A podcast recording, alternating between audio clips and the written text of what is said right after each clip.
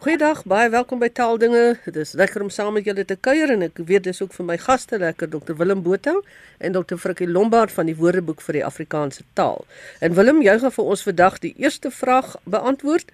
Ons is almal baie bewus van COVID-19 wat deur die koronavirus veroorsaak word en baie mense beskryf dit as 'n erge griep met baie van dieselfde simptome.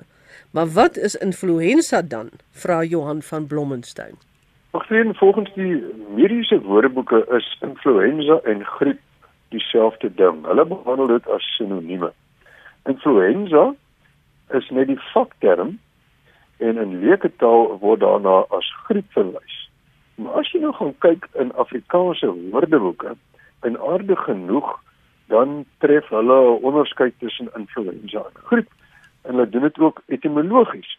Daar staan byvoorbeeld influenza is 'n aansteeklike siekte soortgelyk aan griep wat die asemhalings- en spysverteringsorgane en die senuistelsel aantas en met koors, spierpyn en hoofpyn gepaard gaan. En dan word die etimologie gegee Dit kom uit uit Nederlands, uit Engels, uit Italiaans influenza met die betekenis siekte soortgelyk aan griep. Letterlik is dit invloed. Dit wat invloed en dit kom uit Latyn inflore om binne te stroom. En dit bestaan uit in wat beteken in na binne toe en flore om te stroom.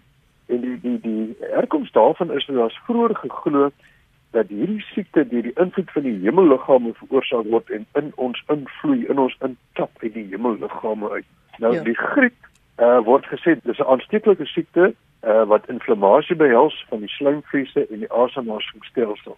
Nou dit kom uit Nederlands en uit Frans griep wat beteken siekte wat hard toeslaan en dis 'n afleiding van grippe om te gryp.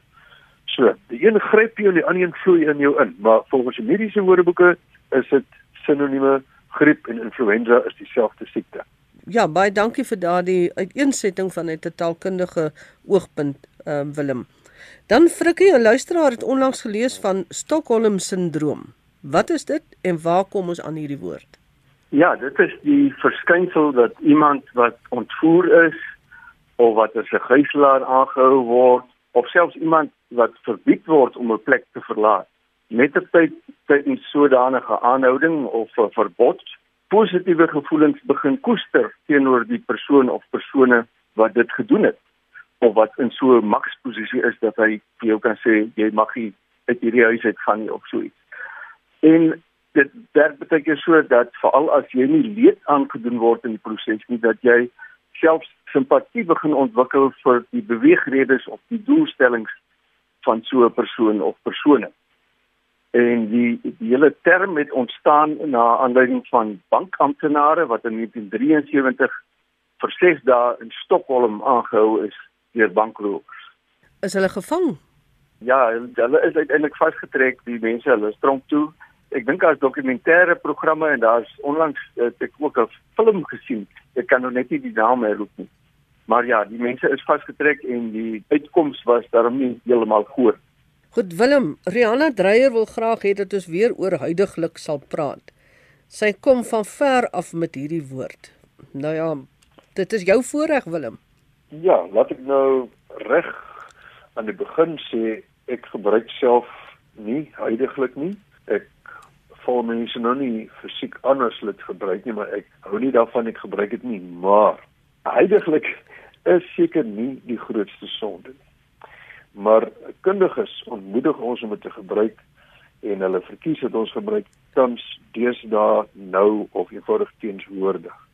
Nou alhoewel heidaglik deur baie van ons op die oomblik as 'n onlangse skepping beskou word, het professor Fritz Ponelis reeds in 1966 in die korrekte woord die volgende woorde geskryf. Heidig word ook bywoordelik gebruik soos heidig gaan alles goed. Hier het heidig ook 'n wisselvorm heidiglik. Hierdie bywoordelike gebruik van heidiglik of heidig is nie verkeerd nie. Hoewel dit miskien deftig en boekerig klink. Nou ja, dis 1966. Dis meer as 50 jaar gelede. Nou as jy kyk in 'n in 'n handwoordeboek soos die HAT dan neem hulle heidiglik op, maar hulle rig 'n waarskuwing en sê hoorie dis eintlik nie korrek jy hom moet gebruik en sê gebruik die woorde tans of deesdae of teenswoordig. Nou baie van ons is heel gemaklik met die gebruik van huidigelik en ander van ons is 100% daarteen. Hulle kan dit glad nie verdra nie. Maar ek wil net sê dis nie 'n nuwe verskynsel nie. Dr. Versponelis het reeds in 1966 gesê dat dit nie as verkeerd beskou moet word nie. Ek dink dit is nou maar een van daai woorde wat wat met ons is om te bly. Ek net 'n opmerking maak, ons het al gepraat ook oor die gebruik van wie die man wie daar stap of die mense wie gister hmm. hier gekuier het. Nou in plaas van wat. Nou aanleiding van hoe ons die rympie in skool geleer het. Maar ek vind al hoe meer dat mense wie gebruik en dit lyk vir my asof wie ook die pad gaan volg dat dit aanvaarbaar gaan wees. Dink julle dit sal gebeur? Jy kan maar praat, maar ek ek het 'n opinie daaroor. Ek uh, sê maar altyd jy kan sê met wie of van wie en so aan. Maar dis al hoe jy dit kan gebruik. Uh andersins is die trein wat daar loop, die mens uh, met wie ek praat, dit is dan reg of die man wat dit sê, het dit mis of so iets. Dit is altyd wat daar wat my betref en ek ek bly dit maar voor staan. Ek wil net sê oor die uh, huidigelik uh, ek het dit 'n hele ruk gelede ook bespreek en Johan Kombrink, Anton Prinsloo en uh, meer onlangs Gerard van Huisteen het gewys dat daar werklik taalkundig nie veel grond is om te sê dit is verkeerd om die waarheid te sê dit is nie verkeerd nie. Ek self uh, hoef nie vreeslik van die woord nie, maar dis maar net 'n eie ebbelikheid. Willem, jy wil net sê oor wie? Ja, ek wil net sê ek verstaan heeltemal hoekom die mense wie gebruik. Hulle onderskei tussen mense en dinge. Nou dink hulle dis korrek om te sê die man wie en die motor wat. Ek verstaan die verwarring 100%. Dis nie idiomatiese Afrikaans nie, maar of dit verkeerd is, ek het nie die gesag om dit te kan sê nie. Maar is dit die moeite werd dat, dat ons so opgewonde raak oor ek raak ook heeltemal omgekrap? Is dit die moeite werd? Ek weet nie. Hmm. Maar ek, ek weet hoekom die mense dit doen. Hulle onderskei tussen mense en dinge. Ja, dit is maar, maar iets wat ingedrul is. Hmm. ja, dit is seker ingedrul, ja, ingedrul. Die die wat is ingedrul waar die verwarring kom? Maar nou ja hierdie hierdie wat die mense dit doen is uit hulle eie wat wat hulle dink wat korrek is. Dit is nie ingedrul nie. Wat is ingedrul? Maar dit het hulle vergeet. Hmm. Nou maar baie mense het gesê op skool het hulle dit so ingekry. Ek weet nie ek dink hulle is maar iewers is die onderwys of iets verkeerd gedoen of die mense kinders het verkeerd verstaan. Maar nou ja. Ons het geleer wat is dinge en wie is by mense. Maar dan dan nou 'n sterkie bygekom, wie word net in 'n verbinding gebruik? By mense anders as dit ja, ja met 'n voorsetsel. Ja, dit is die probleem ja. agter die mense onthou ten dele. Hulle onthou ten dele en dit gebeur met 'n klomp dinge in Afrikaans hmm. en dan sweer hulle hulle onderwys wat hulle so geleer het, maar is dit nie volle waarheid nie. Goed Frikkie, kom ons gaan aan na die volle waarheid. Jeff Rich wil hê dat ons gesels oor waar da, waar Dawid die wortels begrawe het en die leviete aan iemand voorlees en ook die gebruik van watter en watse. Is weer terug by die ja. wat. Ja, ons het al vroeër hieroor gepraat, maar ek sê graag weer oor Dawid en die wortels. Anton Prinsloo se bron uh, idiome en waar hulle vandaan kom praat oor 'n uh, Dawetjie wortel, 'n plant of ook die Dawetjie wortel wat 'n plantsoort is wat baie giftig is vir diere. Uh alhoewel Leipold ook al genoem het van een van 'n merwe wat sy vrou met Dawetjies goed of Dawetjies wortel dan vergewe het of vergiftig het. Nou as jy nou vir iemand wys waar Davidjie wortel gegrawe of begrawe is, dan kan dit dalk letterlik beteken dat jy vir iemand inlig oor die gifplant of hom waarsku dat hy met gif speel. En Anton sê ook uh, die vervorming van Davidjie wortel tot David die wortel soos 'n David die wortel gegrawe of begrawe het, lyk vir hom voor die hand liggend. Uh veral as iemand wat die plant nie ken nie, die naam daarvan hoor.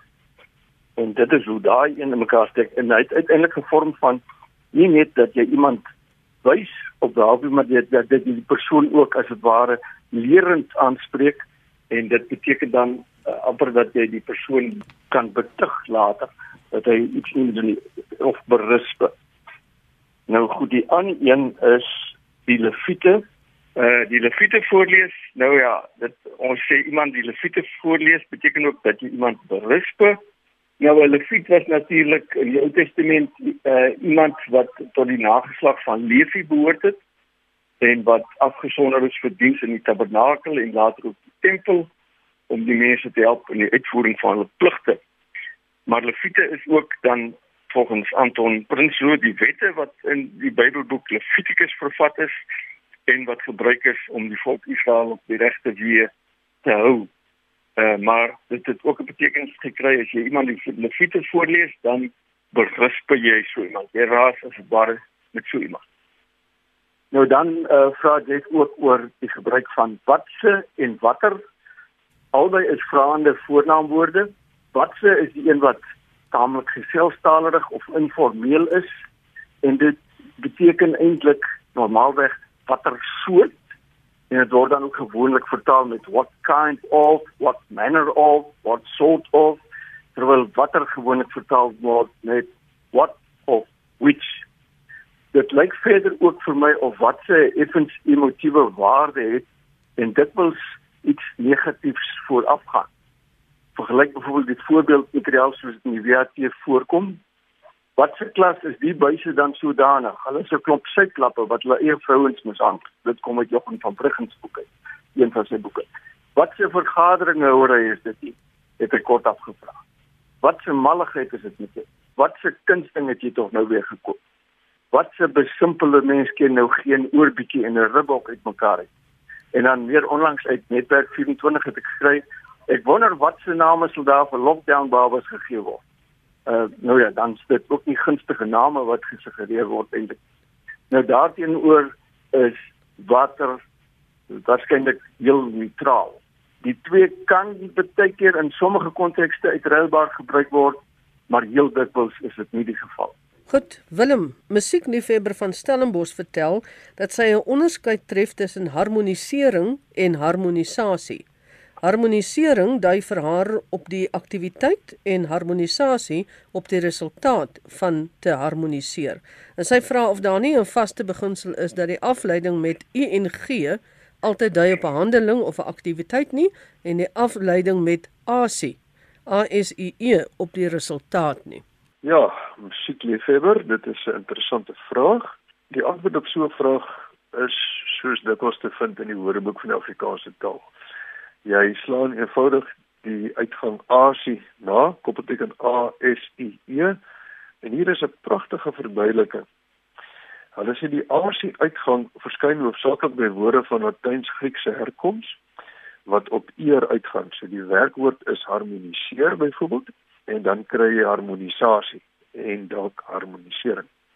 Waar hierdie stamme sowel afleidings op AC en inkry soos harmonisering en harmonisasie gee die invorm dikwels die proses of aktiwiteit aan en die vorm op asie die voltooide die resultaat of stelsel soos in punctuering punctuasie kristallisering kristallisasie kondensering kondensasie as daar geen vorm op ing moontlik is nie. Partymal kan jy net nie so vorm maak nie. Dit klink net nie Afrikaans nie. Maar as wel een op asie, dan word die werkwoord self as selfstandige naamwoord gebruik om die proses aan te dui. Wits die woord deur 'n voorwerp gevolg word en die vorm op asie gee dan die resultaat. Dis nou 'n bietjie teoreties, maar hier is die voorbeelde. Die registreer van kiesers, dis die proses teenoor die registrasie van kiesers die resultaat. Die opereer van 'n pasiënt teenoor die operasie wat uitgevoer is. So daar moet per geval beoordeel word wat van toepassing is. Dis nie altyd noodwendig dat die een die aktiwiteit is en die ander die resultaat nie. Baie keer is daar nie 'n uh, eer 'n ing nie.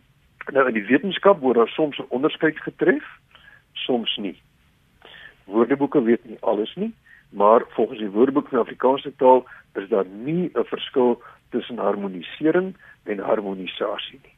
Ook ander woordeboeke gee hulle net as onverklare afleidings te harmoniseer. Met ander woorde harmoniseer kan die selfstandige naamwoorde hê harmonisasie of harmonisering.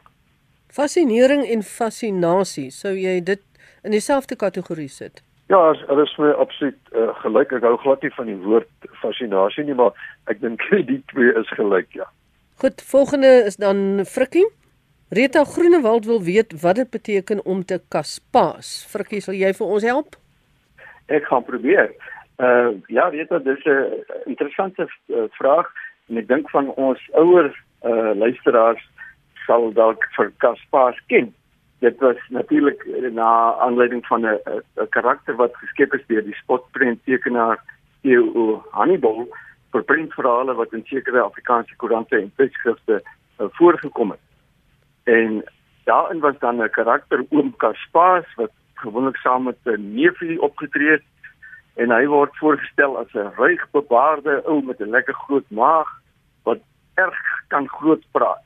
Volgens sy eie vertellings is hy dan het hy ongeëwenaarde krag en vernuf en vindingrykheid en geluk uh, en sulke dinge maar dan word hy na elke fantastiese prestasie wat hy so opgerakel het, word hy dikwels op lagwekkende wyse 'n bietjie neergehaal uh deur die toetoen van sy vrou tant Engeltjie wat nie heeltemal 'n engel was nie, met wat hom met haar besemstok gelooi het. Om te kaspaas beteken dan eintlik dat jy leuns vertel of groot praat of spog. Ek dink dit is nie meer baie algemene woord nie, die jonger mense dink ek slegs wil sê nie maar dit is tog interessant waar hy vandaan kom. En dan nog 'n interessantheid is dat jy vir iemand wat groot praat of spog of oordryf, hy nie kaspaas kan. Sê jy kan sê hier kom ook kaspaas ook aan. Dan sit nou iemand wat gewoonlik bietjie spog of bietjie oordryf. Willem Hendal Leroux wil weet wat is die verskil tussen 'n boot en 'n skip? Nou dink ek sommer weer aan is dit 'n hy of 'n sy. En wanneer gebruik jy boot en wanneer gebruik jy skip? Ja, Henda sê sy was nog altyd onder die indruk dat 'n boot groot is en 'n skip klein. Sy sê dis nie teenoorgestelde waarheid as wat die Amerikaners gebruik. Hulle praat van 'n passasiersboot as 'n ship. Nou Henda, kom ons begin met die passasiersboot of passasiersskip. Ehm um, jy kan van 'n passasiersboot of 'n passasiersskip praat. Dit is dieselfde ding. Dis miskien waar die verwarring inkom. Eintlik is 'n skip groot en 'n boot is klein. Dit is die normale. Skip verwys na 'n vaartuig wat heelwat groter as 'n boot is.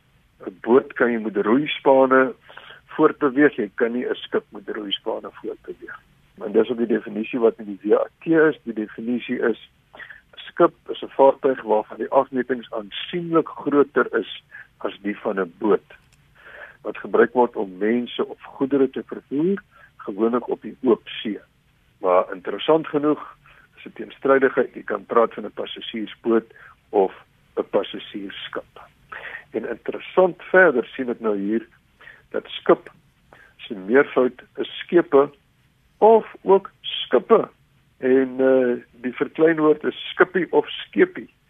En ek dink menige skoolkind het daar hier punte verloor as hulle gesê het die meervoud is skippe. Ek het self een keer 'n grap gemaak en vir iemand gesê die meervoud is skippe en toe die arme leerder uh, punte verloor en uh, met sy grap ernstig opgeneem het en eintlik is skippe korrek. Ek meen een van die dae sal ons kan sê buste. Ja, dit is uh, ons spot altyd as ons sê buste, maar ek dink hier is nou voorloper. So een van die dae buste. Ons sal vir mekaar laat weet wanneer ons in die ouete huis sit, wanneer dit gebeur, né? Nou, ons sal mekaar oplui. ja.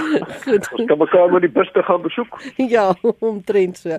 Ek dink ons het tyd vir nog 'n laaste eh, vraag en dit is dan aan Frikkie. Paria, waar kom ons aan hierdie woord wil herklaas de lange weet? P A R I A. Ja, kom uit die uit 'n Indiese taal Tamil wat afgelei is eh, van die woord parai wat eintlik 'n groot trom is wat by sekere feeste uh, geslaan word. Met ander die naamwoord eintlik beteken iemand wat 'n tromslaander is. Nou, ek weet nie hoe dit naaste by verbind met wat dit nou uh, eh, deesdae beteken nie. Oorspronklike betekenis was dat dit 'n hindoe is wat aan die laagste kaste dit is die erflike klasse waarin die so die Indiese maatskappy ingedeel is volgens 'n fundamenteel hindoeïstiese stelsel dat dit is die laagste kaste waartoe 'n mens kan behoort. sulke mense is eintlik as onrein beskou. Hulle was gewoonlik sosiale verstootlinge wat as arbeiders of huiswerk en huiswerkers gebruik is. Net om 'n uh, idee te gee oor hoe dit in sinne gebruik is, die armoedigste van die armoediges, die armsaligste paria is tevrede met sy lot en hy adem daardie voldoening. Daar's nie woede nie, slegs 'n rustige aanvaarding. Dit kom uit die beeld uit van 7 November 1991 en ander het bring dit gesê as jy tot 'n laer kaste behoort is moed sinoniem met die woord wat nag beteken want onder parias is die enigste denkbare vorm van moed die moed wat jy moet hê om te kan verduur. Natuurlik het hierdie ding ook 'n betekenis uitbreiding ondergaan. Jy kan deesdae van iemand of iets selfs soos groot maatskappy wat verag word in die gemeenskap verwerp word, kan jy praat as 'n paria. Is 'n verstoteling. Goed, en op hierdie noot gaan ons afsluit. Baie dankie vir julle deelname vandag, Dr Willem Botha en Dr Frikkie Lombard van die Woordeboek van die Afrikaanse Taal. Geniet die res van die dag in die geselskap van RSG. Groete ook van my Magdalene Creer.